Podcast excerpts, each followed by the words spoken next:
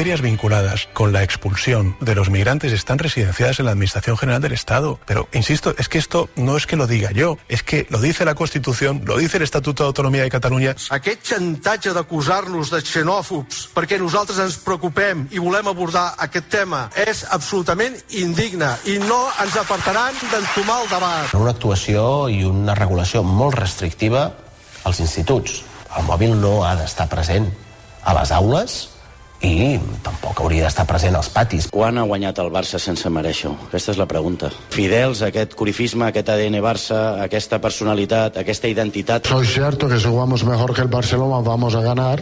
Estaría contento también de ganar, también si no lo merecemos demasiado. Les 9 i 10 minuts. Hola, Arturo Puente, bon dia. Ah, bon dia. Què tal, Manel Banchón, bon dia. Bon dia. Hola, Antonio Baños, bon dia. Bon dia, bona hora. Sabies qui era que son, aquest que sonava, no? Ni idea. Ancelotti. Bueno, el Celotti sí que és del del Madrid, no, ara? Ah, val, Carleto. sí. Ara. Carleto. Però bueno, ara havia sigut més coses abans. Sí, No. sí, home, i tant. Veus, una de les coses d'haver Què deixat... havia sigut abans? Espera, pues Jugador. italià, jugador o alguna Del Milan. Però dic, una de les coses bones d'haver No sé qui entrenava abans, el Milan? abandonat el futbol... Tu tampoc ho saps, va, va, va. És que, És que ja ni- Hola, Maria Vila, bon dia. És que ni m'emprenyo escoltant a l'entrenador del Madrid. Del Milan. Sí, això sí.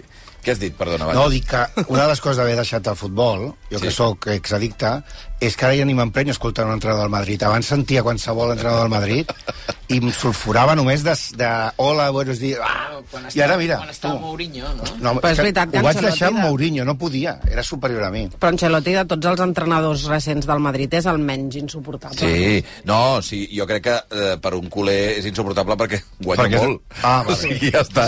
No perquè sigui mala persona, no, més és més, que estupenda. fa més ràbia. Sí, sí, guanyen... Ah, pues hem guanyat, sí. Ojo, eh? Ni una mica d'alegria, una mica de passió, una mica d'alguna cosa. Bé, avui és la final de la Supercopa d'Espanya.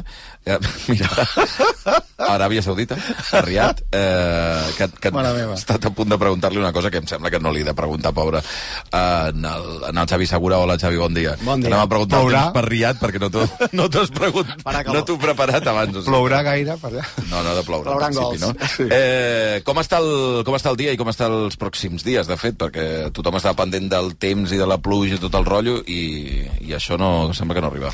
No, de moment avui pugen clarament les temperatures, ja han pujat moltes mínimes de 3 a 8 graus, per tant, menys glaçades, eh, més febles, de fet, hi ha clares excepcions, això sí, comarques de Girona, per exemple, que, que ha fet més fred, les temperatures han pogut baixar més perquè la nit ha estat més serena, i una pujada de les temperatures que també es notarà al migdia amb ambient molt suau, màximes de 12 a 17 graus per sobre, doncs, del que tocaria aquesta època de l'any. I és que ens arriba una massa d'aire més càlid impulsada per un front atlàntic molt desgastat, que avui ens creua i farà que tinguem intervals de núvols en general, cel menys lluït, però ben poca aigua. Tan sols alguna gota, dispersa, tot estirar algun ruixat feble i aïllat, sobretot Ponent i Pirineu, misèria i companyia, una mica de vent de Ponent també a Barcelona, Tarragona, Lleida, i les boires que hi ha ara a alguns punts de l'interior, algunes de gebradores, doncs també s'han d'anar aixecant més ràpidament que no pas ahir. I de cara a la setmana que ve seguim amb aquesta tendència de fronts atlàntics que ens van creuant, però d'aigua així general, la veritat que ben poca. Dilluns amb més precipitacions al Pirineu, però cota alta, uns 2.000 metres.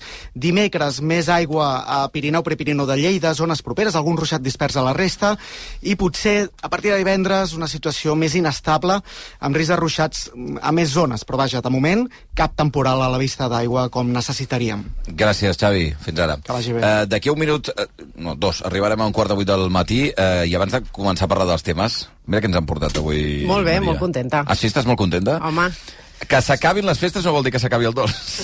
és que de fet continua, ara d'aquí poc és Ara. Sant Antoni, tot, tot Ara. l'alegria segueix. El gremi de pastissers sempre ens porten coses els diumenges i avui ens han portat els rosetons del monestir. Són unes galetes que, qui no la conegués, doncs mira, aquí ho teniu al davant, galetes artesanes que representen el lloc d'on venen, que és Sant Cugat, i per això ho coneixes bé, Maria, eh, perquè tenen la forma d'un dels símbols més coneguts, que és la rosassa del, del monestir de Sant Cugat. Eh, les que tenim avui sobre la taula ens l'han fet arribar de la pastisseria Sàbat, perquè va ser precisament el mestre pastisser Jaume Sàbat qui va crear el dolç l'any 51. O sigui, té molta història amb el tema, amb l'objectiu que Sant Cugat tingués eh, les postres típiques. Típiques i secretes, perquè la fórmula em sembla que no l'explica, no hi ha manera que no, se sàpiga. per això, i de fet només el fan ells, eh, crec, el, el sábado, bueno, he de dir, ja per, per èticament, eh, em sembla que, que toca, que són, eh, són molt amics meus, Ah. i, el, i una cosa que es coneix poc, però, però dins del gremi sí que se sap, és que Jaume Sàbat, el creador d'aquests rosetons, és un dels inventors de tècniques de pastisseria que ara es fan servir a tot arreu, Mhm. que al gremi són molt conegudes i que no, i, i que no tenim present i que em sembla que són coses que, que han existit tota la vida, de, de tècniques, instruments fins i tot. I, i això, i ho fan molt bé, jo sóc una clienta assídua i, i felicitats. I a tope amb els rosetons, no? Exacte. Però si voleu us podreu provar, o sigui que Vinga. endavant, en tenim de sobres avui. Va, un quart de, de 10 del matí. De seguida, d'aquí uns instants, trucarem a la consellera d'Educació, Anna Simó. Um, teníem previst parlar amb ella, entre altres coses, del tema també migratori, que afecta directament les escoles, i que ahir vam, o divendres vam tenir informacions al voltant d'un dels llocs on la conflictivitat per la qüestió migratòria ha crescut, que és a Manresa, um, i això s'ha vist en els últims temps, i que mm, han decidit fer canvis en les estructures de repartiment de, de la gent que hi viu perquè estigui més repartida la, la presència eh, i no hi hagi tanta segregació a les, a les aules. En parlarem d'això. Evidentment, ens tocarà parlar també de la conversa que mantenen, eh, eh, en aquest cas, Pere Aragonès a La Vanguardia i Pedro Sánchez al diari El País, perquè Aragonès diu una cosa el, més enllà de tota la qüestió de la migratòria, eh? però diu una cosa al voltant dels mòbils a les aules bastant considerable. Jo crec que no li havia sentit eh, a la conselleria ni tan sols al govern eh, que sigui tan explícit amb el tema de la secundària. Eh, Anna Simó fa setmanes va dir en aquest programa i va anunciar que la, els mòbils estarien prohibits l'any que ve als, eh, a, la, a la primària, però a la secundària va dir que va venir a dir que ho deixarien a criteri de les escoles. Eh, Pere Aragonès diu criteris molt restrictius. Si s'ha de fer servir el mòbil a l'aula per qüestions pedagògiques, d'acord, però per la resta, ni a l'aula ni al pati, també als instituts. Això en parlarem després. Eh, però abans, la qüestió clau és la migratòria. Ha marcat tota la setmana el pacte in extremis entre Junts i, i, i el Partit Socialista per als decrets eh, que es van aprovar aquesta setmana i que incluïa aquest, aquesta suposada trasllat de competències, que després és una delegació, i que encara no sabem ben bé què és. Avui li pregunten, no, no, no ens han explicat exactament en què consisteix. No ho saben ells tampoc. ah, d'acord.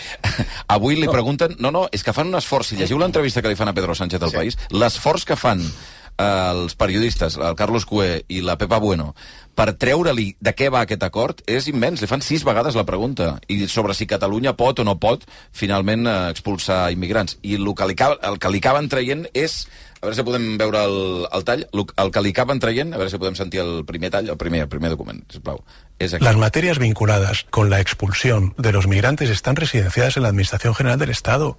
Si es que tenemos un pacto de migración y asilo firmado con Europa, donde a lo que vamos precisamente no es una centrifugación, sino una mayor coordinación de las políticas de migración. Pero, insisto, es que esto no es que lo diga yo, es que lo dice la Constitución, lo dice el Estatuto de Autonomía de Cataluña y lo dice el pacto de migración y asilo que acabamos de firmar hace dos meses. Catalunya no podrà expulsar eh, migrants. No? Però, però, però qui, qui no ho sabia, això? Llavors què han pactat? Què han pactat, exactament? No ho sabem. Algo. Sí, I no, I no ho diuen ni les dues parts. No, no De, de què hem discutit tota la La setmana, llavors? delegació de competències. Una delegació de competències vol dir que els Mossos d'Esquadra executen les polítiques de Deleguen, migració de l'Estat. Sí, vale. Sí, sí. No, no, sí, Sí, però, però perdona, si executen les polítiques de migració de l'Estat tenen competència a les fronteres, llavors. no tenen competències. Estan allà, estan Podrien. a les fronteres. Mhm. Estan a la frontera. És a dir, això seria una delegació integral Mhm. si es compleix, sí. Que els Mossos estarien a les fronteres. De totes maneres... Això seria una... De totes formes, diu, de totes formes, hi ha una qüestió aquí, que és una mica tramposa, que diuen immigració, no estrangeria. Ah, clar. Mhm. Estrangeria incorpora un seguit de polítiques, fronteres, migracions, Sí, sí, asilo, tal, i els diuen migració només. Per tant, què, què vol dir migració? Pues Gestió. Vol dir migració, Sí. vol dir la gestió de les persones vingudes. Però, De, la gestió un cop estan aquí. Un cop de, estan- Sí, o la eh, col·laboració més estreta, això- per sí, exemple... La qüestió és, quant a la qüestió és, jo crec que la qüestió, la qüestió bastant evident és que algú s'ha deixat aquí enganyar o no sé si, o no, o, o, o, o ha volut o no. enganyar, diguem-ne. És a dir, la idea que Catalunya podrà decidir podrà decidir, podrà fer política migratòria, podrà aprovar la seva pròpia llei d'estrangeria Sobre fluxos. Sobre fluxos, sobre totes aquestes coses, és mm, vamos, ja és que ho ha dit Pedro Sánchez, és evident que no serà això, ni està signat en lloc, ni és el que es va pactar. El que es, el que es pacta és, en tot cas, pues això, com, com es va fer el trasllat de competències de trànsit. Competència de trànsit, tu trasllades competència de trànsit, els Mossos d'Esquadra fan, eh, posen les multes, Ja però estan la Generalitat no decideix, No, no decideix qui, la qui, velocitat què de les és multa i què no és multa? Ho decideix la Direcció General de, de Tràfico, evidentment. Aleshores- I, a més, I els jutges són els jutges, el I, Poder de totes, Judicial formes, Espanyol... de totes formes, les expulsions s'ha de dir que estan bastant, bastant taxades de com funcionen. És a dir, uh, les expulsions les decideix en última instància un jutge. Un jutge, A més a més, està taxat quan s'expulsa per delictes, que és quan eh, delictes de, se commuten les penes de més d'un any de presó, i a més a més, i quan, quan se eh, em posen aquestes penes de... És que a més a més estem parlant d'una cosa que no és molt... Que no és molt eh, o sigui, la gent té una mica al cap que s'expulsa la gent per cometre Tu un fuera, furt. sí. I no és Tu- veritat. tu Però és que és fuera. normal que no sigui veritat, perquè les, un, uns furts que no arriben a 400 euros no, no, com, no, com, no, no ho són, no tenen penes de presó. Per tant, que això és normal, això és absolutament normal. Qui, algú vol ficar una, una gent que ha entrat a un supermercat i s'ha portat un cartó de vi o una polla de llet No, home, el que hi ha hagut al debat és per la multireincidència, que és Sí, sí, lògic però- que existeixi aquest sí, debat. Sí, però, però que, que al final són gent que... El multireincident és que no pots fer res. Aquesta cosa que... No, a Calella hi ha uns senyors que tenen 100 100 intervencions policials, eh? moltes vegades són eh, enregistraments, no són delictes, no són condemnes. Quan, quan la policia diu tenim 100 persones amb antecedents penals, no són 100 condemnes. Si fossin 100 condemnes ja estarien fora, feia molt de temps, o a la presó. El que diuen és tenim 100... Tal com va la justícia, em sembla que és gairebé impossible tenir 100 condemnes. Vull dir, Clar, la, la velocitat de... La vida humana no No, la vida humana no, no, no, no dona. Si hi ha tres condemnes amb més de, 4, de més de 400 S'ha legislat, euros... s'ha legislat al Congrés. Al juny? Sí. Al juny passat? El si fa que quatre potser dies. encara no tenim la, a la pràctica com, com està funcionant, Bueno, com s'està implementant. bueno, si hi ha, si hi ha tres condemnes de però més de la 400 legislació euros, està ja, feta. ja és una entrada a presó. Sí. Sí.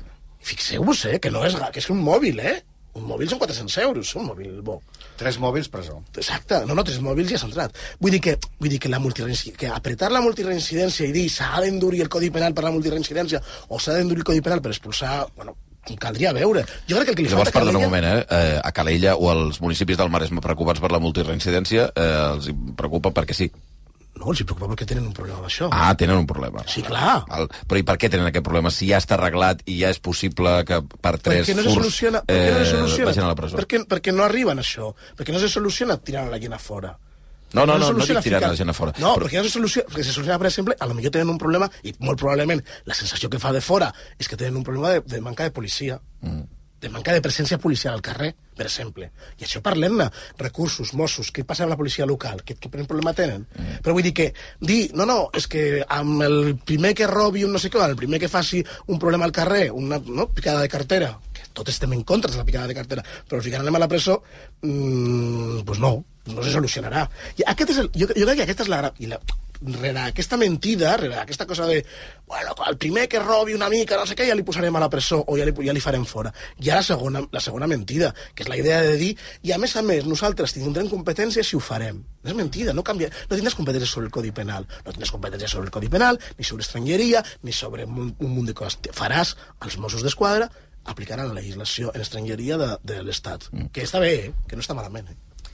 No, i a part, o sigui, eh, sobre el tema dels furs, que és, no és només que el Codi Penal digui això o digui allò altre, sinó després pròpiament el funcionament de la justícia, perquè per arribar a tres condemnes fermes mm. de tres delictes comesos en moments diferents, perquè no serà dins del mateix mes el que sigui, ha de passar molt de temps, i mentrestant, doncs això potser va reincidint. Ja, tots els jutges diuen que no arriben a, a poder fer tot això. Clar, per això, però llavors has de reforçar també, i tampoc no hi haurà, no hi haurà més competències per reforçar la justícia de la manera com necessitaries fer-ho, com, com deia l'Arturo, no hi haurà competències per reformar el Codi Penal, tot això no ho tindràs.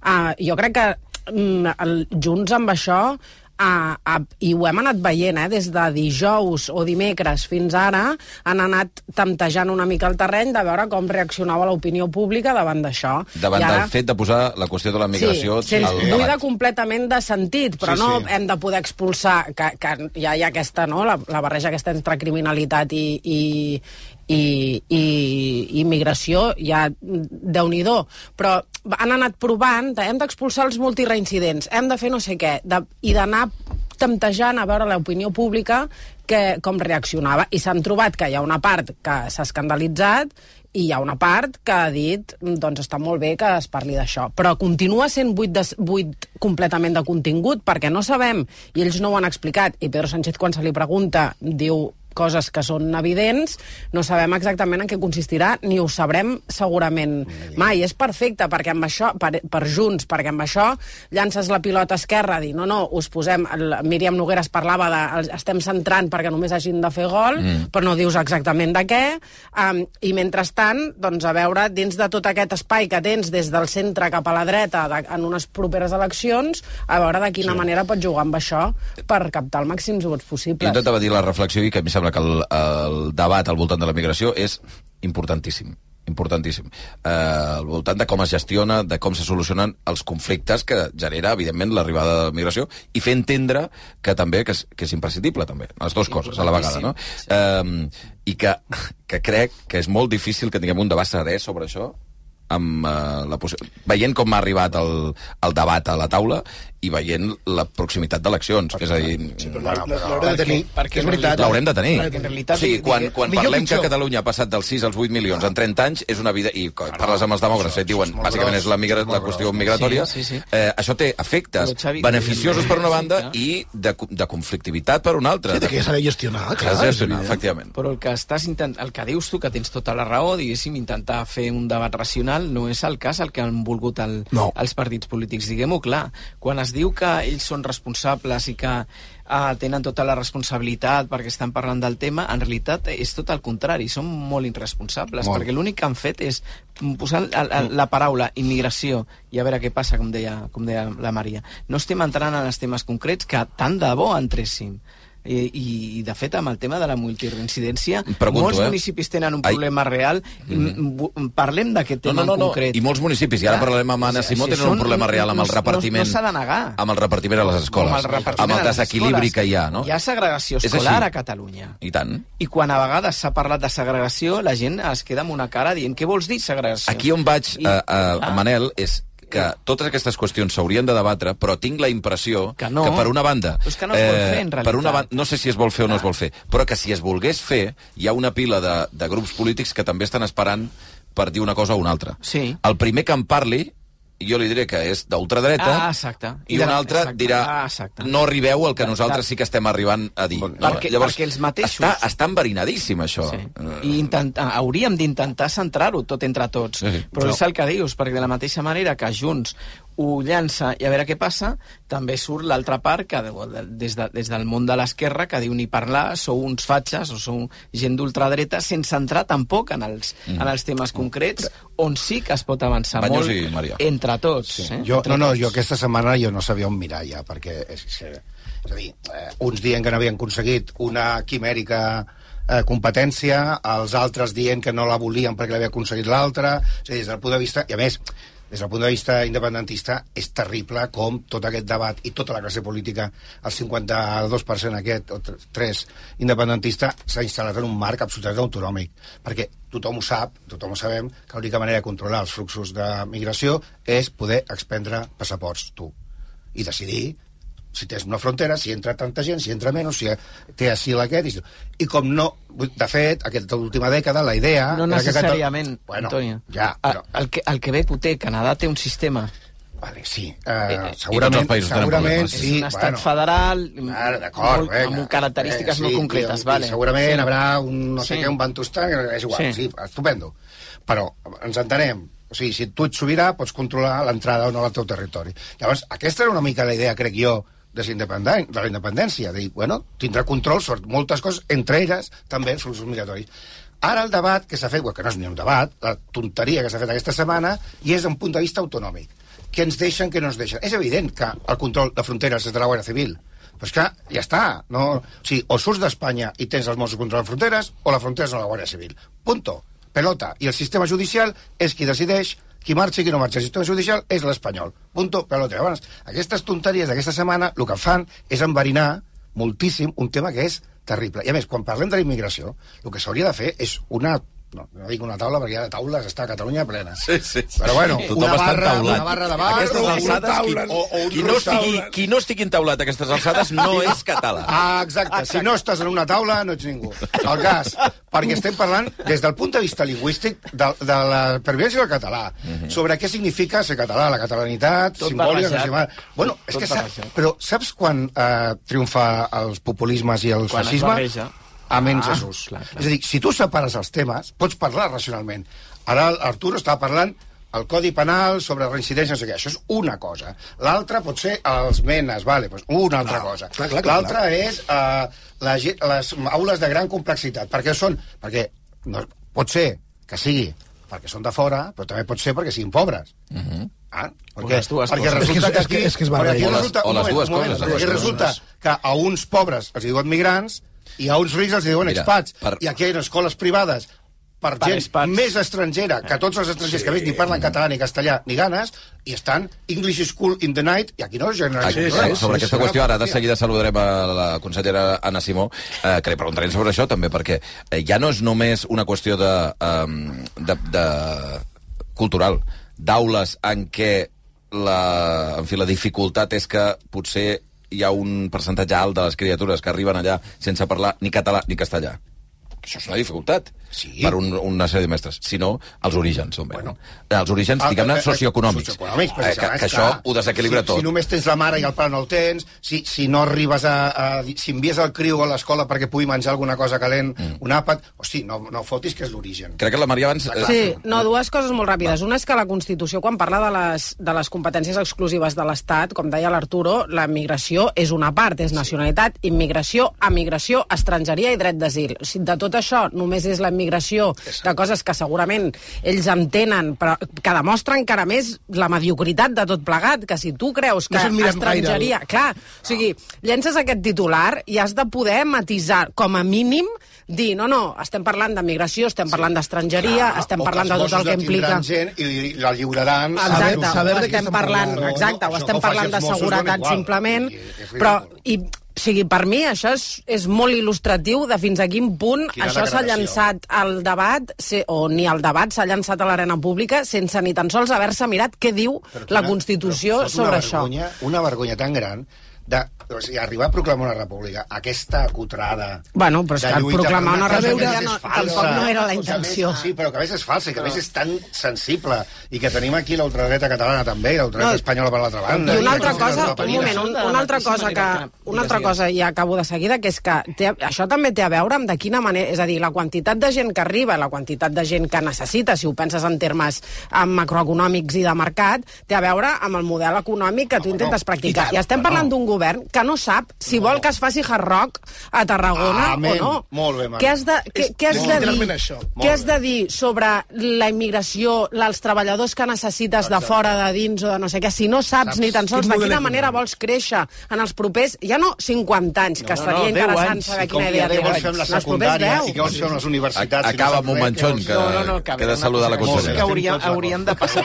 Quin drama. Hauríem És un desastre que estigueu tots d'acord, però bueno. Hauríem, hauríem de passar pàgina en dues coses, Antoni, que dius, "Ah, el tema de la independència no, però ja, ja això ja fa, ja fa uns anys. Sí, ho poso, ho poso com, aviam, des del, des del meu sí, vale, sector. des del dir que, teu sector. hosti, No, però que, dic que, que em mataran. que Junts fa el que ha fet durant molt de temps, que és introduir coses per intentar uns guanys polítics. Ho va fer des del començament del debat de l'Estatut. I d'aquí plora la criatura, de fet. Del, de, del, del, de la lluita pel poder d'una forma tan descarnada entre Junts per I Catalunya cutre. i Esquerra Republicana. I per l'altra banda, molt ràpid, que és que, clar, sabent tot el que estem dient ara, que ho sap la gent, diguéssim, com a mínim, eh, els mitjans de comunicació, no s'entén l'altra part, o si s'entén, però és també igual de lamentable que pensin que s'enfonsa Espanya, que això és un desastre, que Pedro Sánchez és el diable, quan ha pactat això perquè, clar, perdem la política migratòria sabent que és fals. 9 i 33 minuts, gairebé. Atureu la gàbia de... Però després seguim, no? Sí, si volem, sí. Uh, I si tenim temps.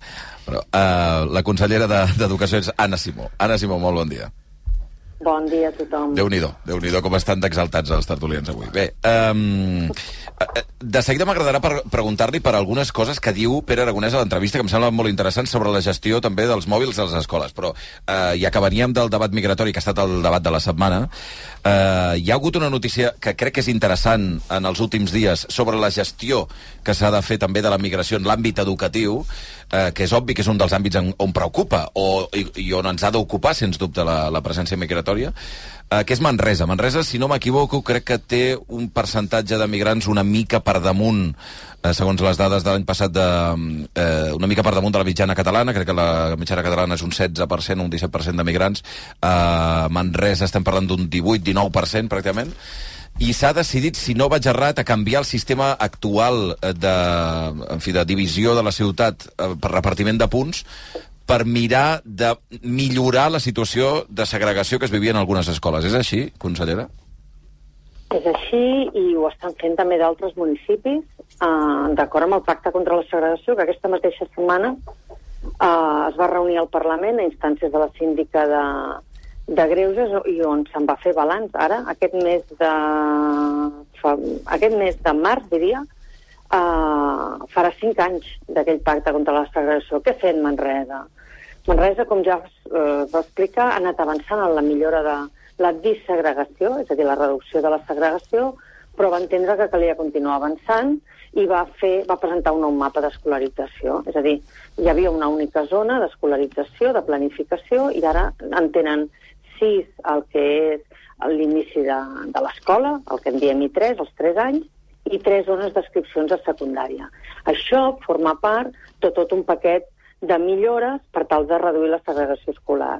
I per què s'ha de reduir la segregació escolar? Doncs perquè és font, és font de desigualtats i la veritat és que el que acaba fent la segregació escolar és mm, treure drets als infants. El dret a una igualtat d'oportunitats educatives amb la segregació escolar salta pels aires. Pregunto, consellera, Per tant, so, sobre el cas aquest sí. concret de Manresa, per entendre per què es pren aquesta decisió, com en d'altres municipis, Sí. que ara el preguntaré quin és, Mm. quina era aquesta situació? Quin era aquest problema? És a dir, eh, trobàvem eh, escoles que hi havia un percentatge molt alt de migrants i de situacions determinades socioeconòmiques i Clar. d'altres que no? La, sí. la, la clau és que dintre d'una mateixa zona, clar, Manresa en tenia una de sola, dintre d'una mateixa zona no, no hi hagi tant desequilibri entre centres i dintre dels centres. Mhm. És a dir, dintre de la mateixa zona ha d'haver-hi, si fa no fa, doncs alumnat de, el, amb, amb el mateix perfil. No? Si la zona és de perfil X, l'alumnat dels centres ha de ser de perfil X i de manera equilibrada. Per tant, no pot haver-hi diferències significatives de concentració d'alumnat desfavorit. Mm. Desfavorit que vol dir pobresa, vol dir immigració, però... No? Llavors, clar, els municipis tenen la segregació res residencial que tenen, per exemple, també, no? Clar. És a dir, Hi ha barris que hi ha van més- a viure... sí, sí. Clar, i per tant el que es tracta és que la diferència entre escoles de barri i el barri no sigui alta, que sigui similar la composició social. Aleshores, què va fer Manresa? Doncs jo crec que és un dels, un dels exemples de bones pràctiques. El mes de juny passat es van trobar la inspecció, que és qui lidera eh, tota aquesta qüestió, juntament amb els tècnics municipals, tècnics del departament, direccions de centres, representants de famílies i dels sindicats, van dir, a veure, com ho fem? Prèviament el departament va formar uh, aquestes, aquests integrants d'aquesta comissió a partir de les dades. Mireu, les dades de Manresa són aquestes, índex d'immigració, com tenim la segregació escolar, i a partir d'aquí s'han posat d'acord en unes mesures. I una molt important, i ens ho deia la síndica l'altre dia, és passar de zona única de planificació a sis zones a, a l'entrada al sistema obligatori i tres zones d'adscripcions de, de secundària. També hi ha d'altres mesures, no només aquesta. Eh? N'hi ha una de molt interessant que a mi m'agradaria posar sobre la taula si tinc temps, Sí. que és el que se'n diu aprofitar la, la previsió d'oferta singular del decret d'admissió nou. Què vol dir? I això ens, ho- ens ho estem trobant a municipis i, i, i m'ho han, han presentat. Eh, un grup de 6, 8, 10 famílies d'una escola bressol determinada, eh, de classe, diguem-ne, mitjana o afavorida, decideix que se'n va a, a un centre de màxima complexitat. I aquí el que fan és canviar absolutament uh, aquell centre, la, la, diguem-ne, la distribució social d'aquell centre d'alta complexitat. A aquestes famílies se'ls fa acompanyament, se'ls fa seguiment, i, per tant, ara Manresa el que farà és reunions amb les famílies d'infants d'escoles bressol per explicar-los aquesta oferta singular i què implica. Eh, és a dir, les polítiques educatives vol, vol dir incidir sobre el dia a dia, Mm. per fer que sigui diferent del que és. I Manresa, com Salt, com Lleida, com Barcelona, per posar alguns exemples, ha anat estan en cap aquí en compliment d'aquest pacte contra la segregació. I això són bones pràctiques que van en benefici de tots els infants i, de, i del sistema educatiu del país. A tots aquests municipis que està dient, Sala, evidentment és, és eh, entre cometes, menys a part, té un 38% de, de migrants, per tant, 20 mm, punts més que Manresa. Eh, Lleida, Barcelona, tots aquests municipis s'estan aplicant canvis en el sistema de reordenament? Des de fa 5 anys. Mm. Des de fa 5 anys és el pacte contra la segregació. És un pacte valent, que va, in, que va impulsar Rafael Ribó amb, amb el conseller Bargalló i tota la comunitat educativa, això sense la concertada, sense els ajuntaments, sense la inspecció implicada, les famílies, no, no hauria tirat endavant. I, la, i els resultats de moment estan sent bons. Insuficients, però bons. Mm. Com ha viscut, eh, consellera, aquesta setmana també vinculada a una qüestió que per vostè eh, eh és important? El debat migratori en l'àmbit educatiu és, és, és, és troncal. Eh, el que ha passat aquesta setmana amb, el, amb la qüestió de la delegació de competències? Doncs jo tinc molta feina aquesta setmana amb d'altres qüestions, el pacte contra la segregació, amb el grup d'impuls de millores en l'àmbit educatiu, però en tot cas, en referència aquesta qüestió és una qüestió que hem parlat molt amb la, amb la consellera Verge des de, en els darrers vuit mesos, que sóc consellera d'Educació, de, que és la necessitat de recursos per l'acollida, tant de refugiats com de joves, migrants, com, com de l'alumnat. I aquesta és una qüestió que s'ha anat parlant amb el Ministeri des de fa mesos, que jo vaig plantejar a la ministra quan m'hi vaig trobar a finals de, de desembre, vaig anar a Madrid a parlar de tots els temes que teníem a mitges, i la consellera fa molt, molt de temps que ho diu. És a dir, hi ha un pla estatal d'acollida d'urgència, per exemple, en el cas de, dels, dels refugiats ucraïnesos, eh, en què la capacitat de decisió del govern de la Generalitat no està del que tocava, ni el, ni, la, ni el marge de gestió dels recursos en absolut. I pel que fa a l'acollida municipal i, el, i a l'escola, jo vaig viure, quan era consellera de Benestar, estem parlant de fa 20 anys, eh, quan es va negociar un fons d'acollida i integració per tot l'Estat, amb uns criteris molt clars, i a Catalunya venien molts recursos per poder fer aules d'acollida, poder atendre en condicions i fer plans locals d'acollida, que se'n van fer molts entre el 2005 i el 2012. Des del 2012 aquest fons no ha estat dotat. I això també li vaig dir a la ministra i la consellera Verge ho, par ho està parlant amb el ministeri corresponent.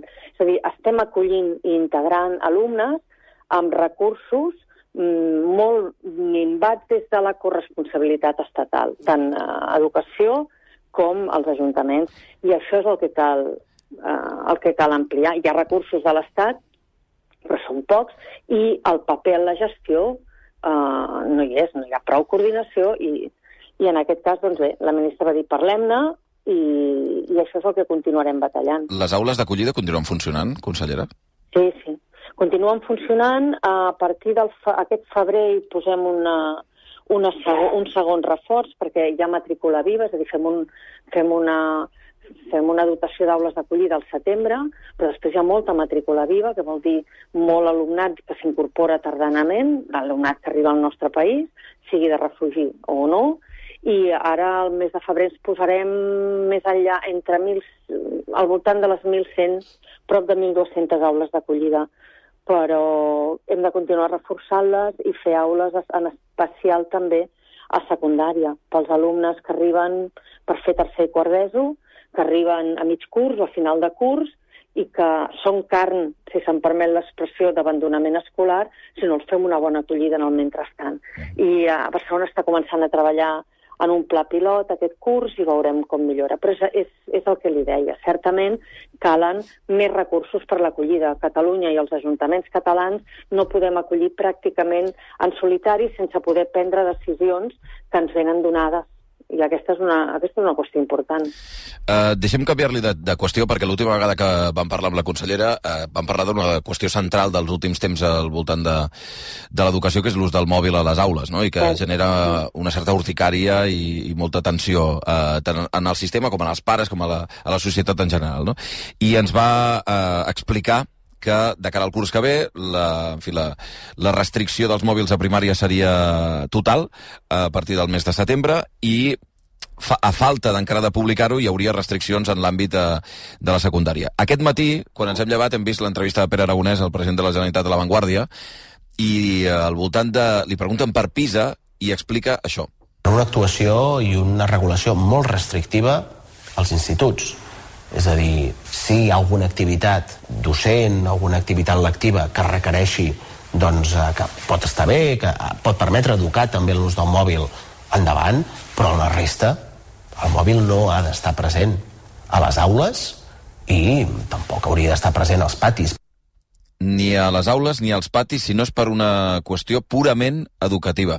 Consellera, confirma que eh, es va en aquesta direcció, que a partir del curs que ve als instituts, ja no diem a la primària, als instituts, l'ús del mòbil tant al pati com a les aules, si no és per qüestions purament educatives, estarà restringit? Estarà prohibit?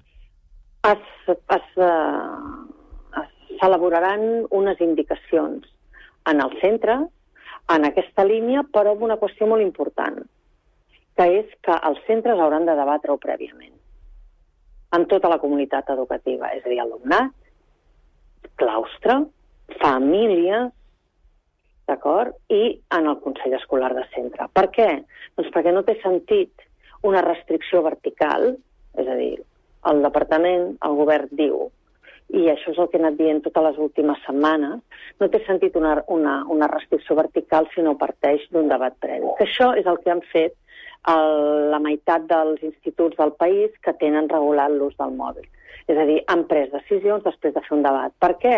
Perquè és el que té més valor i l'alumnat és el que ens demana. Aquest mes de desembre hem fet eh, uns 1.400 instituts del país i, bueno, entre, entre instituts i escoles pel que fa a alumnes de 5è i de 6è de primària, és a dir, els últims dos anys eh, de, de, de primària, han fet un debat promogut pel departament de la Direcció General d'Alumnat eh, i que han fet els tutors a partir d'un pla de, de debat que els hem preparat, eh, han fet un debat en què diuen eh, sobre què, com veuen l'ús, l'abús del mòbil i com veuen l'ús del mòbil als centres. Ara estem acabant de buidar tot aquest, eh, totes aquestes participacions, que són més de 120.000 alumnes a la pràctica, els que hi han participat. I a partir d'aquí també escoltarem la veu dels alumnes, que és important. I el que ens demanen és debat. Aquest debat que s'ha fet en aquests centres, que l'han fet voluntàriament, i jo vull agrair aquí públicament als 1.400 centres, és un debat que pot ser útil pel debat que es pugui fer doncs, d'aquí al mes de juli, juny als centres. Llavors, el que es tracta és, reitero, que siguin els centres els que prenguin les decisions a partir de les indicacions i instruccions que els donem al departament. Si no... Quines instruccions, eh, eh, consellera? Perquè no és el, no és el mateix eh, fer restri restricció... unes setmanes. Uh -huh. no, és, no, dic, no és el mateix eh, que la instrucció sigui una restricció o una regulació molt restrictiva, com diu el president de la Generalitat, que deixar això a debat de cada centre. No, però és que, és que jo el que dic és la manera com s'ha de fer. És a dir, s'ha de fer aquestes restriccions que el departament indicarà eh, i s'han de fer a partir d'un de, debat que hi hagi prèviament al centre, no de manera unilateral per part del centre, per part de les direccions o per part del departament. Objectiu, setembre 2024, regulat a tots els instituts i eh, posat a les normes de funcionament del centre, penjat a la pàgina web prèvia, previ debat amb, els, amb, els, amb la comunitat educativa d'aquell centre. Això és el que hem anat, Consellera, hem anat dient ja, i això és el que farem. Eh, eh, em genera dubtes aquesta manera d'expressar-ho perquè eh, o hi ha una ordre eh, vertical o hi ha un debat en horitzontal. Eh, les dues no, coses, hi ha les dues coses. Les dues coses sí, a la vegada. Una ordre vertical i un debat horitzontal que, que validi I aquella ordre vertical. Eh, I, I una decisió final. Val. Eh, no, ho dic, ho dic, no, no, no, ho dic perquè per, per saber una cosa. Consellera, un, estic parlant de la manera de fer-ho. Digui'm, digui'm. Per entendre un, un, una situació que es pot produir al setembre. Pot ser que en un municipi, en un barri, hi hagi una escola que estigui de costat en una altra, que en una no permetin l'ús del mòbil al pati a l'institut i a l'altra sí? Pot passar això? Uh, de fet, ara fa uns anys es va tirar endavant un projecte que es deia Mòbil.edu, Mòbil a Mòbils.edu, en què hi havia, potser ara una trentena de centres a tot el país, eh? uh, que, fa, que fan un ús significatiu dels mòbils a l'aula uh, des del punt de vista de l'aprenentatge. I, per tant, pot ser que hi hagi alguns centres que decideixin que volen continuar amb aquesta, amb aquesta dinàmica i d'altres que no, evidentment. Però, eh, reitero, aquest és un debat que hem d'acabar de tenir al govern, que el tindrem, i que un cop haguem tingut el debat al govern en la línia del que diu el president en aquesta entrevista, farem indicacions al centre. Mm -hmm. Acabo sobre la qüestió dels menors i els mòbils. Hi ha una qüestió que també és curiós, perquè avui el president de la Generalitat és a l'avantguàrdia, el president del govern d'Espanya és al País, eh, Pedro Sánchez parla de l'accés dels menors al porno a internet, diu que estan treballant i una llei integral, eh, i entre altres coses que, que inclouria uns sistemes que validarien eh, l'edat, efectivament, amb què s'accedeix a, una, a una pàgina web determinada. Eh, el departament hi ha de dir alguna cosa? No sé si estaven al cas a la Generalitat d'aquesta Aquesta llei és integral. una de, aquesta és una de les peticions que des del govern, liderats pel Departament d'Igualtat i Feminismes, eh, es feia. Quan va haver-hi tot el debat que, que estem començant per fer un, un pla estratègic per l'educació sexual integral també als, als centres eh, educatius, deien que havia qüestions que s'escapaven a les nostres competències i que havia de ser qüestió europea o estatal, com ara, doncs això, poder limitar l'accés a la pornografia a menors de, de 16 anys, per exemple. I això, efectivament, requereix d'una llei orgànica estatal. A veure quan pot ser, perquè fer una llei orgànica no és ràpid, i a veure quan això pot ser, evidentment, ajudarà molt a les famílies una llei d'aquest estil, perquè el, el govern de Catalunya no és competent per fer-ho. Eh, acabo tornant a la pregunta que li feia sobre les ordres verticals i els debats horitzontals. Eh, la ordre vertical, per acabar-ho d'aclarir, si es pot aclarir, la ordre vertical del departament al voltant de l'ús del mòbil serà eh, en la línia del que diu el president de la Generalitat, ni mòbils dins ni al pati als instituts, o no? Anirà, anirà en aquesta línia i aleshores els centres hauran de prendre decisions en el marc de la seva autonomia de centre que consagra la llei d'educació de Catalunya. Nosaltres els acompanyarem, farem formació a les famílies, etc etc etc. Eh, D'aquí màxim tres setmanes sí? eh, es faran pública la, la decisió del govern. Perfecte, o sigui, abans de que, o a finals de gener, principis de febrer, ho tindrem. Eh, ho dic perquè a, a, crec que amb aquesta resposta m'ha quedat una mica més clar. És a dir, si el govern diu, en principi, el pati i a l'aula està prohibit, i un centre diu, nosaltres, per la prohibit- voluntat prohibit, X... El, fe- prohibit el govern no dirà prohibit. Parlarà de restriccions, també a criteri del centre. Parlarà de restriccions també a criteri del centre. Clar. Sí. A criteri del centre vol dir validat pel centre, que si el centre no vol restringir-ho, no el restringirà. Efectivament, però del centre, quan dic el centre, parlo de tot el seu consell Sí, sí. escolar. Eh, consellera Anna Simó, moltíssimes gràcies. A vostè, bon nou, dia. 9 minuts i arribarem a les 10 del, del matí. Què passa? No, no, res, res. Estàs, estàs esbufegant, eh, Tant de bo algú m'estimés a mi tant com el Pere Aragonès s'estima prohibir coses als adolescents. Carai, Què? carai. No, va ser el govern que més toc de queda va fer, perquè hi havia xavals de 16 anys que sortien per allà encomanant a la Covid, ara també a, a xavals, imagineu-vos, a, a nens, de, nens, adolescents de 14 anys... O sigui, tu estàs en contra eh, de, lo de la prohibició del mòbil? Al pati?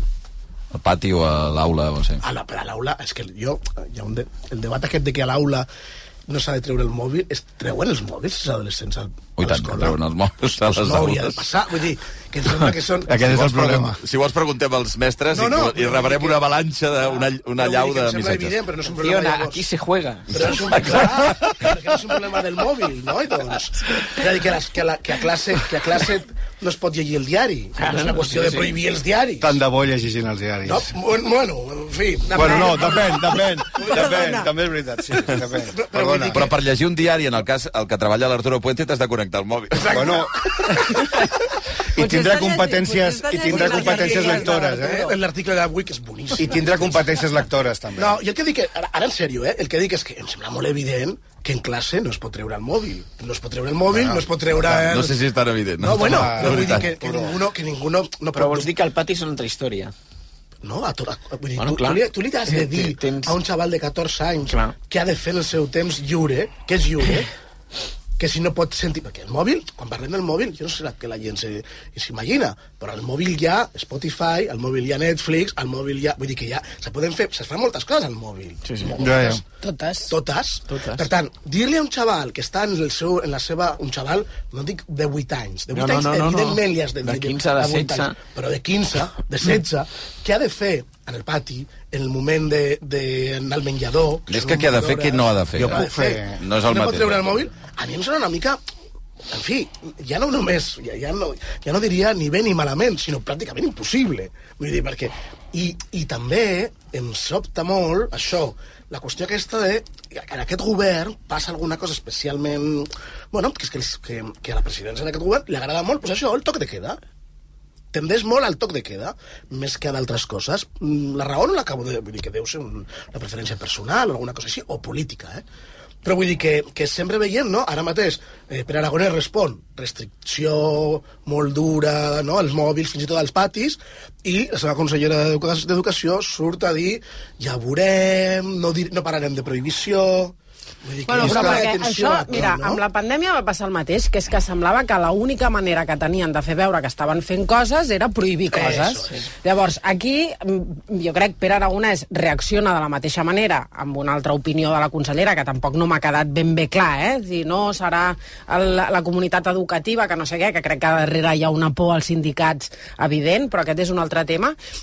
Però la qüestió és prohibir coses Prometo perquè és l'única manera eh? que tens... Sí, no, no, Sí, ho has sí, provat, sí, ho has sí. provat. És l'única manera que tenen de fer veure que estan fent alguna cosa. I aquí, el, el, a més, agafant-se amb, amb un tema, com és el dels mòbils a l'aula o a l'escola, si, si, si ho fem en àmbit més genèric de també a l'hora del pati, que és una cosa petita, o sigui, la falta de diagnòstic és tan evident que l'única cosa que tens on agafar-te per dir no, no, el problema de l'educació és els mòbils a l'aula, quan em sembla que és, no ho conec prou i, i no tinc, és a dir, no, no tinc fills adolescents en edat de- d'allò, però em sembla que és evident que l'únic problema no és aquest. Home, clar que no el és que passa problema. és que, bueno, però, però, però és Però el és més cridaner, però- i és el més cridaner, és el, és el més, és el, en el que és més fàcil dir la cosa se soluciona prohibint. Total. Hi ha coses que són molt més complexes i que segurament tenen molt més a veure amb el problema de fons, que són els mals resultats de l'informe PISA. El que passa és que bueno, és, és més difícil i no se soluciona amb un titular de prohibir coses, que és I és el que, que- sembla que, que no I és que a mi que no, no m'interessa gaire aquest debat, eh? ja us ho dic ara. Carai, doncs m'has aixecat el dit. Sí, perquè jo volia Per dir fer... que no. No, no, jo volia tornar al... i Ara no, no te són tiris a, a sobre. No, no, no. no, jo volia tornar a la meva rotllo, que és el rotllo vintage, Sí. que era allò de l'independentisme. Ah. que és un dels motius pels quals Molt vintage. votat... Va, molt vintage. Però és un dels motius pels quals aquesta gent està al govern. Perquè van dir no sé què d'una república d'implementar, Sí, sí, de caminar sí, sí, cap a sí, no sé sí. on, Sí, sí. i la gent va anar a votar, 53 va anar la majoria, no sé, què, i molta gent, igual, il·lusos o vintage com jo, els van votar amb certa idea independentista de les coses. I el que ha dit, a mi la consellera Sema m'ha semblat bienvenidos al 2004, amigos, una cosa així, perquè el tema era no tenim prou recursos, hem d'anar a Madrid a demanar més recursos, la llei integral no tenim competència... És a dir, un marc ja totalment autonomista. Del que vivirem els És- propers 10 anys és anar a Madrid a demanar més diners, aviam si ens donen, aviam si la llei integral... Però és que, podem eh, Antonio, esmena. és el marc que hi ha. Però, Ho a veure, sé, però, però, a veure, però escolta, és- però tu podries... A veure, però tu vens... És que, o sigui, aquesta mateixa gent, el 2017, no, no era el marc de hem d'anar a Madrid, aviam si ens donen... més- Ah, llavors, què, què els hi ha passat? La meva pregunta no és el mòbil, sí, mòbil no, debat horitzontal, debat vertical. És, són la mateixa gent de l'any 17. Què coi els hi ha passat? Manchón. Pues que és que és...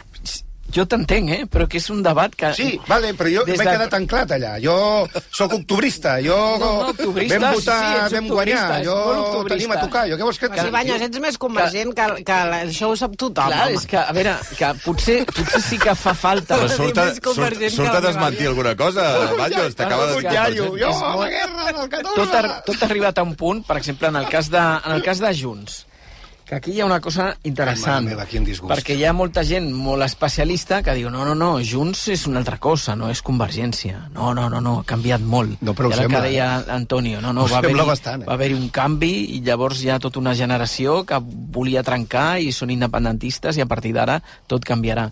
I en, des del minut 1 no han deixat de ser con- convergents. Jo crec que sí que han deixat no ho de dic, ser. Però espera, no ho dic ni... ni, ni, ni I han a- tornat a ser. Ni com una cosa... Però sí Ho han deixat ni, i ara ho ni, ni com una cosa pejorativa ni No, com no. una cosa per, per dir que bé, que han tornat. No, no, no, no. Ah, el que va haver és una batalla pel poder tan bèstia Sí. que es manté encara I- i tan amb unes tan repercussions ridícula. tan grans perquè moltíssima gent hi va creure. Llavors, ara el que s'ha de fer, com a mínim sí que és veritat, seguint l'Antonio, que, Que- que, caldria algun Que tipus... marxin i que entri una gent autonomista Ja- ja- de ja tota ha la vida. això. Caldria, que caldria Però algun això ja tipus de, de... Sí, Ja sí, sí. ja ho- És que no la... No, ja ha sí que passat, m'enteneu, això. sí que m'enteneu. No, no, no, no, caldria- no, és que això ja ha passat. Hi va haver unes Sí, però sí que- primàries sí que a Junts... Espera, vaig a contestar. Perdó, perdó. En el No, no, però, que- sa, però sabeu per què ho dic? Order. Sabeu per què ho dic, no? Order. No perquè jo cregui que estem al 17, crec No, que ja ho no, sé. no, no. És perquè em sembla fascinant que la mateixa gent...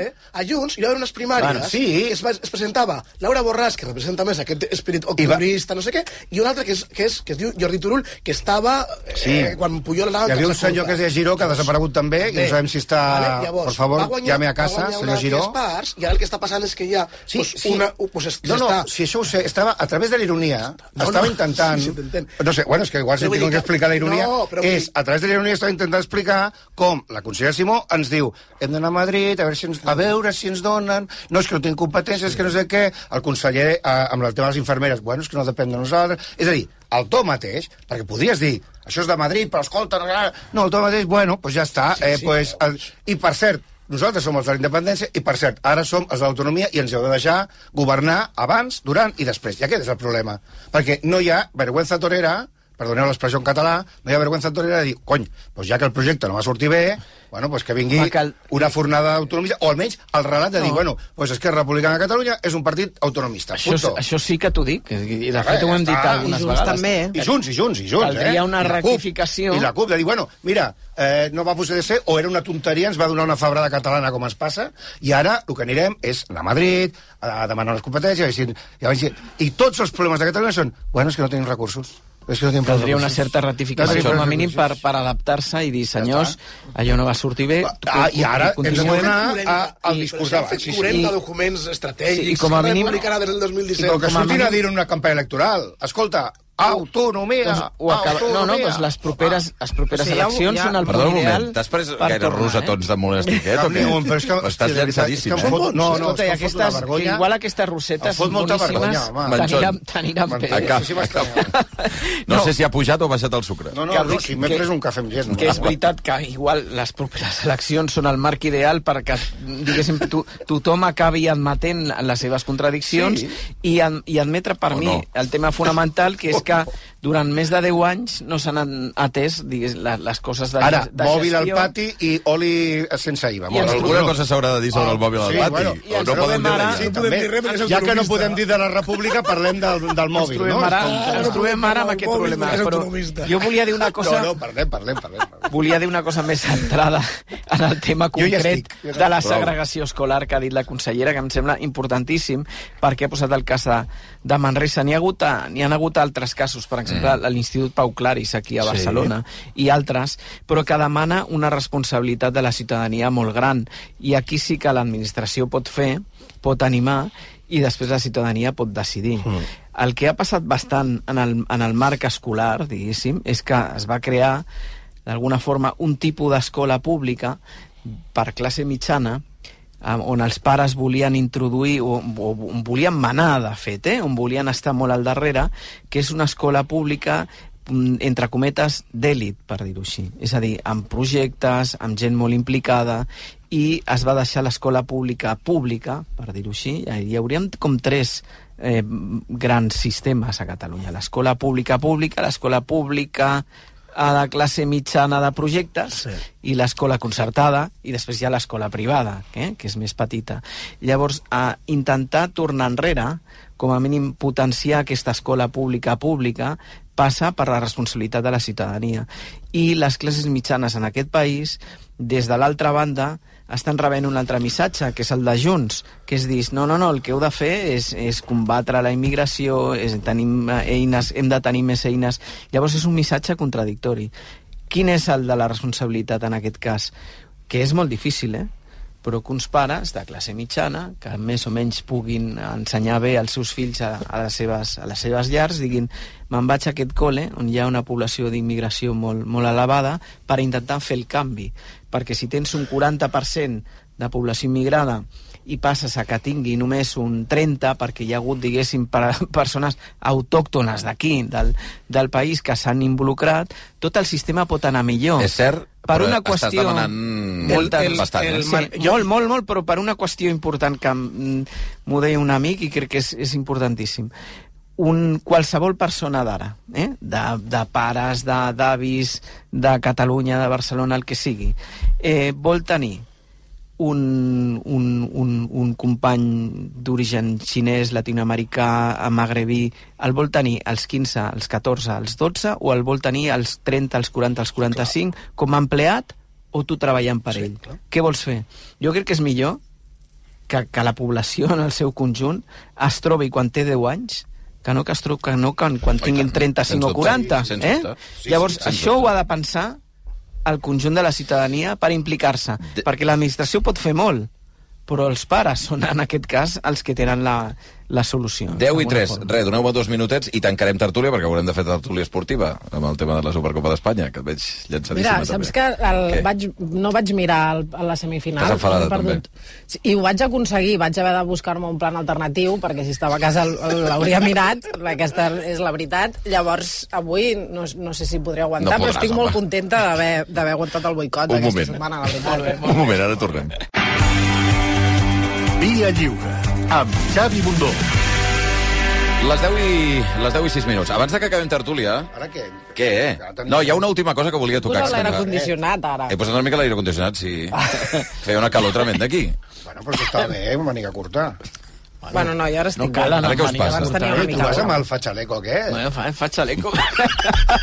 És veritat que vas amb fatxaleco? Bé, la veritat el que en diuen fatxaleco. Eh? van molt bé. Són les armilles aquestes. Bueno, eh, volia tocar un últim tema que, que eh, jo crec que ha cridat molt l'atenció durant la setmana, molt més anec anecdòtic, però que estaria bé saber per què s'està eh, està passant. Sabeu aquell vol del Boeing que li va caure Ah, sí. Sí, una finestra, una finestreta al pati d'un senyor, eh, que és una d'aquelles coses que, hosti, et lleves al matí i trobes una finestra d'un avió, una, pràcticament una porta... Bueno, estàs a l'avió i se't cau la finestra. Bueno, això és pitjor. això és pitjor, efectivament. Uh, hi ha hagut un altre incident en les últimes hores, un altre Boeing 737, uh, un aparell que ha hagut de girar cua després de detectar una esquerda en un vidre. Uh, és el fabricant d'avions nord-americà, està al centre del focus, el dia de Reis va ser quan va haver d'aterrar d'emergència als Estats Units per, després d'haver perdut una, una finestra. Aquest nou episodi l'avió havia sortit del nord del Japó i mitja hora després va haver de tornar. Uh, qui ens està escoltant és Eric Besora, és comandant d'un Airbus A320 i oient d'aquest programa. Eric, molt bon dia.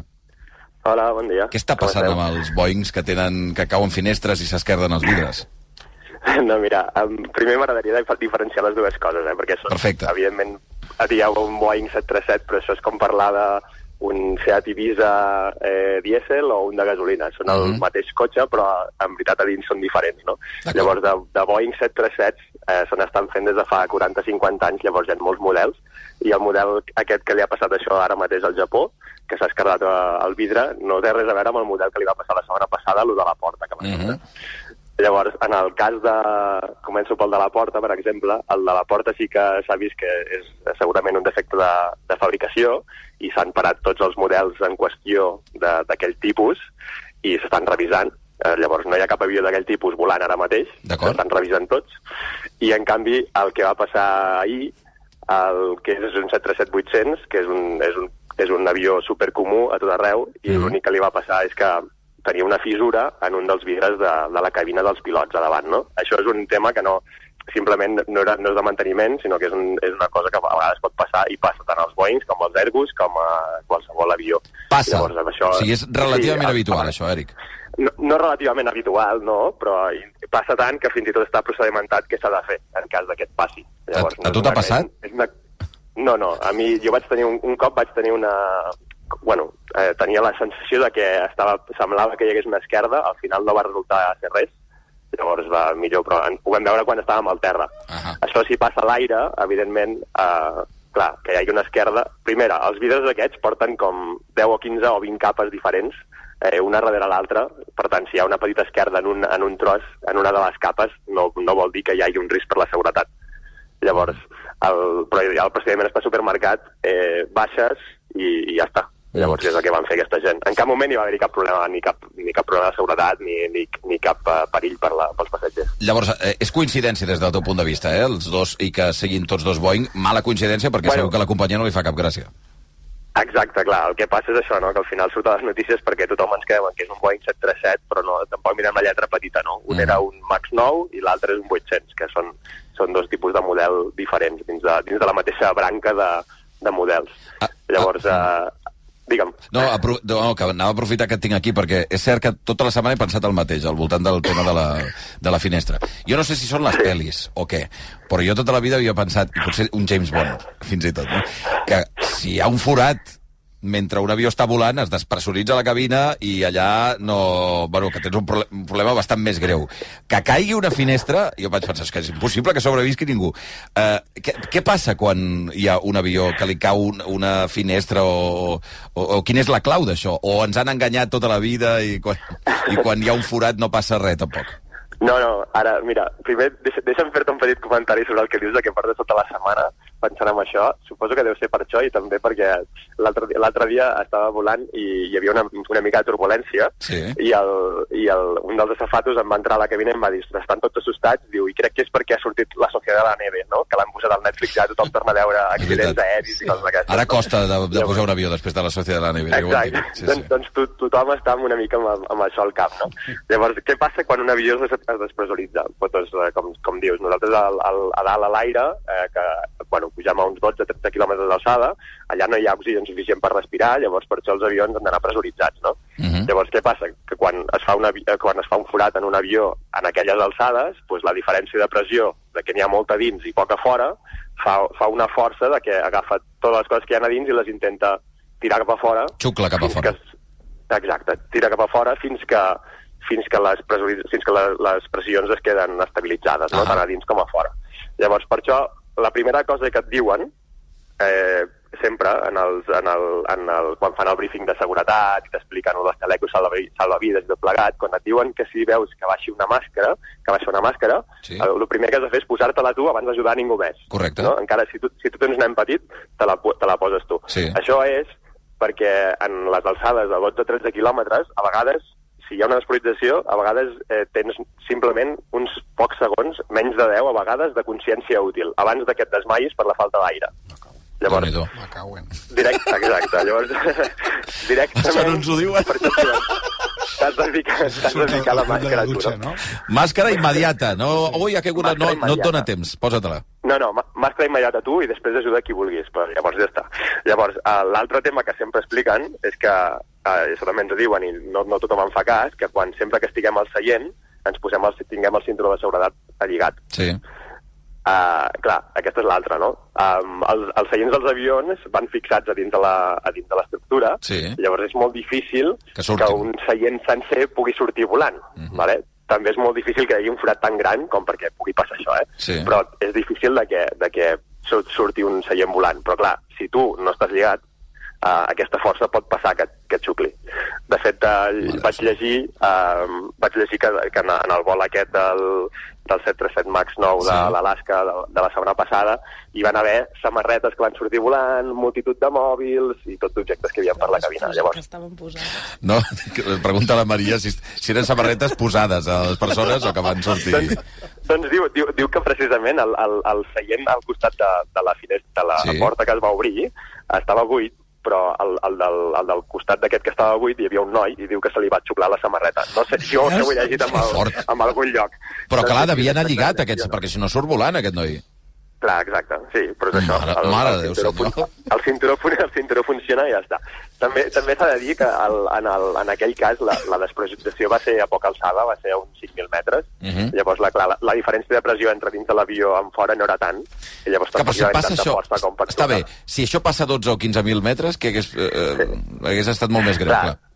Sí, sí, exacte. No, no, no, no em puc aventurar a dir-te què, què hauria passat, però sí, sí, les, les conseqüències segurament haurien sigut molt greus. No, no en terme de, de, de rebentar l'avió, perquè no, no hagués passat, el, Sí. el procediment està molt clar i és, i és, i és relativament senzill el que s'ha de fer, però clar, efectes de, del, que, del que xucli de, de dins l'avió cap a fora, pues, jo entenc que deu ser difícil de, d'estudiar i de dir-ho. Eh, està protocolaritzat que passi això, que pugui passar això? O sigui, tu, eh, si tu t'hi trobessis, sabries què se suposa que has de fer? Bueno, clar, està tan, està tan eh, protocolaritzat que, que en els nostres manuals tenim exactament el procediment que hem de seguir en cas de fer-ho, en cas de que passi. En cas de que salti una Llavors, finestra? Bueno, en cas de que es despressuritzi l'avió, sigui el que sigui. O sigui, no, no, no, sempre és, no, no sempre és això, però a vegades és una cosa tan senzilla com que com que pot perdre una miqueta d'aire per, per, algun, per algun lloc i, i que a poc a poc es vagi despressuritzant l'avió. Llavors, però sí, sí, està tot super documentat i tenim exacte, i ja ens entrenen per això, llavors és una de les, de les maniobres que fem gairebé cada, cada sis mesos en els simuladors i, i les practiquem i ja està. Aprofito que, que m'has citat lo de la Societat de la Nieve. Tu has vist la pel·li o no? Sí. No, no l'he vist, la tinc pendent, perquè tinc, tinc molt bon record del Viven i... i És molt millor que Viven, ja t'ho dic ara, molt Sí? millor que Ok, Viven. Ui, tant. ok, Eh, però sobre això, eh, clar, tu coneixes bé el cas o no? O sigui, els, els No, no, pilots en sabeu de, de casos així, o no? A veure, els pilots tenim la mania de que, com que quan, quan hi ha un accident es publicita molt, Sí. i és normal, sempre volem saber per què han passat els accidents. Clar, els accidents no? Llavors, és una manera d'aprendre les coses que et poden passar a tu i, i com, com gestionar-les diferent, no? Llavors, en aquest sentit, sí, sí que es parla d'això, d'aquestes coses, d'aquests temes, i, i s'intenta aprendre'n, bàsicament. Has volat mai als Andes? No, no, no, no, que va. Jo faig vol aquí per Europa i, i ben tranquil. No, ho dic perquè és veritat que la, la pel·lícula i em sembla que la història és així, que crec que és un error del pilot, no? Sí, crec que sí, però clar, també, també estem parlant de fa, de fa molts anys. Eh? evidentment. Sí, sí, més de 50. Les coses, clar, les coses són molt diferents ara de com, de com eren abans. Uh, la navegació ha canviat molt i, i també el, el, el control, el, els controladors tenen moltes més um, eines per gestionar el control i saber on estàs i on, i on no estàs. No? Mm. Llavors, abans hi havia, hi havia situacions en què no se sabia exactament on estaves, ni tu ni el controlador. Ara això és impossible que passi.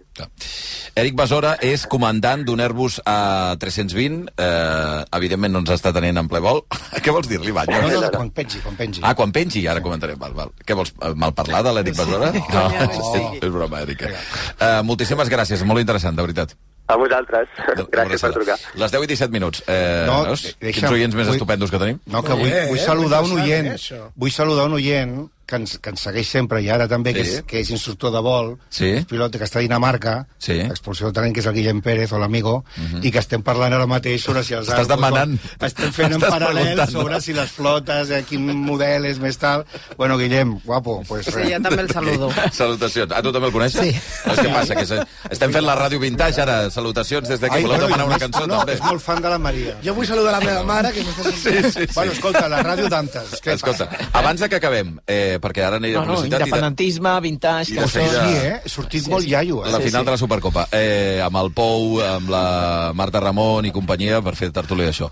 Eh, la Societat de la Nieve. Avui jo recomano que si eh, esteu escoltant la ràdio no la deixeu d'escoltar, perquè a les 11 del matí tenim una conversa inèdita que crec que és d'aquelles... Eh, va, he de dir que és de, de les moments que tens la impressió que val la pena dedicar-se a això, eh, que és una conversa amb un dels supervivents reals de l'accident dels Andes, eh, en aquest cas eh, Eduardo Strauch.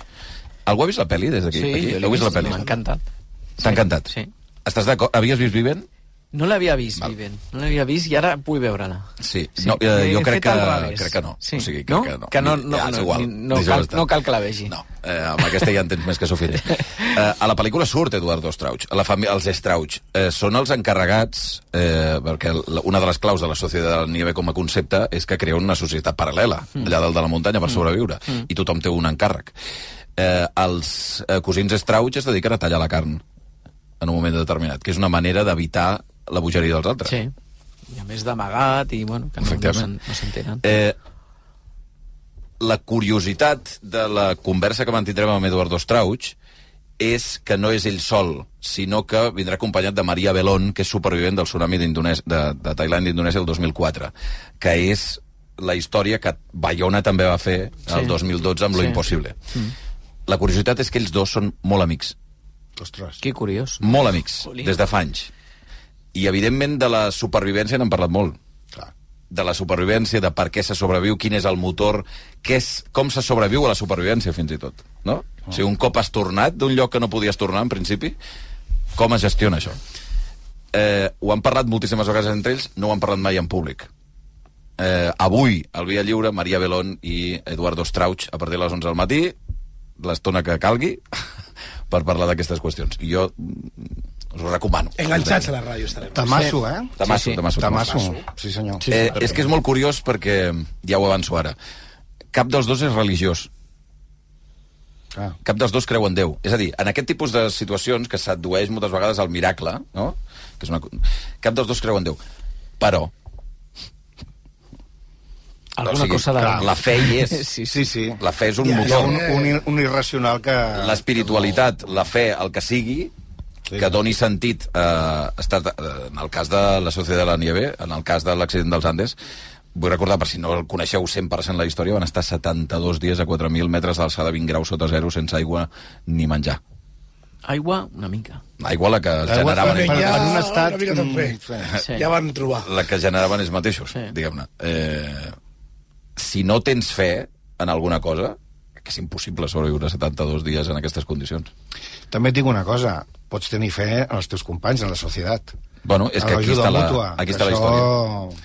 És... Aquí està la història de la pel·lícula. I aquí la gran diferència amb Viven, eh, Manchón, és que Viven era un relat de, gua- de guanyadors. De fet, es diu Viven, no es diu... No? Clar. Els que mueren no hi surten. Clar, clar, No són protagonistes, no... I en aquesta pel·lícula sí. Cal- Cal, són tots, cal- és coralitat absoluta. Cal dir que he llegit coses que, mm, per exemple, sobre com una mena de... La, el, els homes de, de Bayona, com dir que, que no hi ha relat, que, i que la dona no, no hi participa, que la veritat m'ha sobtat una mica. Qui no hi participa?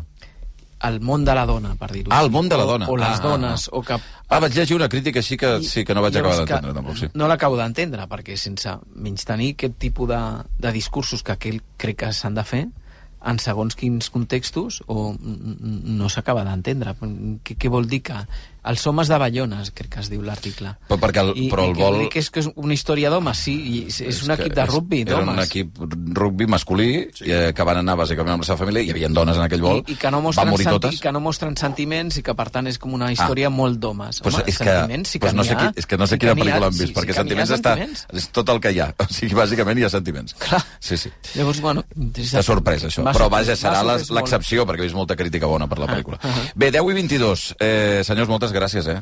Arturo. Puente, Manel Manchón, Antonio Gràcies. Baños, Maria Vila... Eh, algun pronòstic d'aquest vespre o t'és igual? És que no... No, m'és home, igual, no, però, no però he de igual, fer no m'és menteixis. igual, perquè no vull... Has de fer veure, però no menteixis. Però era prou, no? Podem dir-ho, que era prou de marxar aquests no, no, coses. Sí, els culers i els indepes, vull dir, ara hem de fer veure No, però que no és per culer, no és per culer, crec que és la qüestió No, del, viatge. jugar... No? Sí, sí, no, no, però si els, no, els, els, els partits del Barça els miro tots. Ah, vale, I vale. tots vol no, dir però és que tots. ja és una cosa... Bueno, és És que igual. no, és per ja això, vam és per parlar, amb tot això. Qatar i ja va passar a Qatar i tothom sembla que... Ja, ja, però és un Barça-Madrid, saps? Al final. Eh. I ja està... I, No, sense- i el, eh, bueno, sí, però- Sí, és Aràbia, No, no, però- és però- Aràbia, però és un Barça-Madrid. Ah, Però es poden fer les dues coses, no? Ah, Vull dir, es pot, es pot criticar i i- lamentar Bueno, tal, parlant i una mica fora de micro. No sé. Quines són les actituds correctes en un món en què cada decisió que prens, alguna però ha de ser fallida? és veritat que estem entrant en contradiccions a cada, a cada, a cada No, minut. i que a més a més però- les estem normalitzant, és a dir, que el Barça faci un comunicat demanant als aficionats que no facin mostres d'afecte en públic, Molt especialment si són parelles del mateix sexe, vull dir, amb tota la tranquil·litat del món, a mi em sembla que això no es pot tolerar, senzillament, i la meva manera de no tolerar-ho és, és no participar, i no participar vol dir Tens no veient el partit. I a més, quan crec que no n'hi no, n'hi ha cap que vagi d'aficionat del Barça. Ho van dir que no havien comptabilitzat ningú, potser avui aquesta nit ho veiem, però es veu que no sí, hi ha és ningú. un excés de cel absurd. Sí. A Bueno, no que que aquesta és l'altra, no? De per què jugues... O sigui, més enllà, encara que aquest partit no fos Aràbia Saudita i la, i la competició s'hagués organitzat a, a Dallas, mm, quin sentit té que te'n vagis a l'altra punta del món a fer una cosa on els teus aficionats no poden arribar? Tinc un missatge per tu, Maria, que m'acaba d'arribar, de Toni García Ramon. Què diu? Amic teu, no? La Maria li és igual al partit perquè no juga un tal Springsteen. Què ha passat? Què? Si jugués Springsteen, allà estaries a la Per tele. cert, que torna a estar... Que vi, vi, viu per aquí, cert. el Bruce Springsteen. Una abraçada també Viu a. Barcelona. Un altre cop aquí? No, no, això és una exclusiva que, que podem, podem donar des d'aquí. Oh, i tant, que connectarem. Oh, quan home. vingui, anirem a tots és els restaurants, no, a no, no, Montserrat... els toms, eh? Jo no penso participar d'això, Jo, oh, i tant que participaràs. O sigui, si en comptes d'anar a Montserrat se'n va a Catalunya en miniatura, vull totes les fotos jo. I tant. O sigui, no sé. 10 i 24. Uh, moltíssimes gràcies, Arturo Puente, Manel Manchón, Antonio Baños, Maria Vila. Que vagi bé. Bon dia. Bon dia.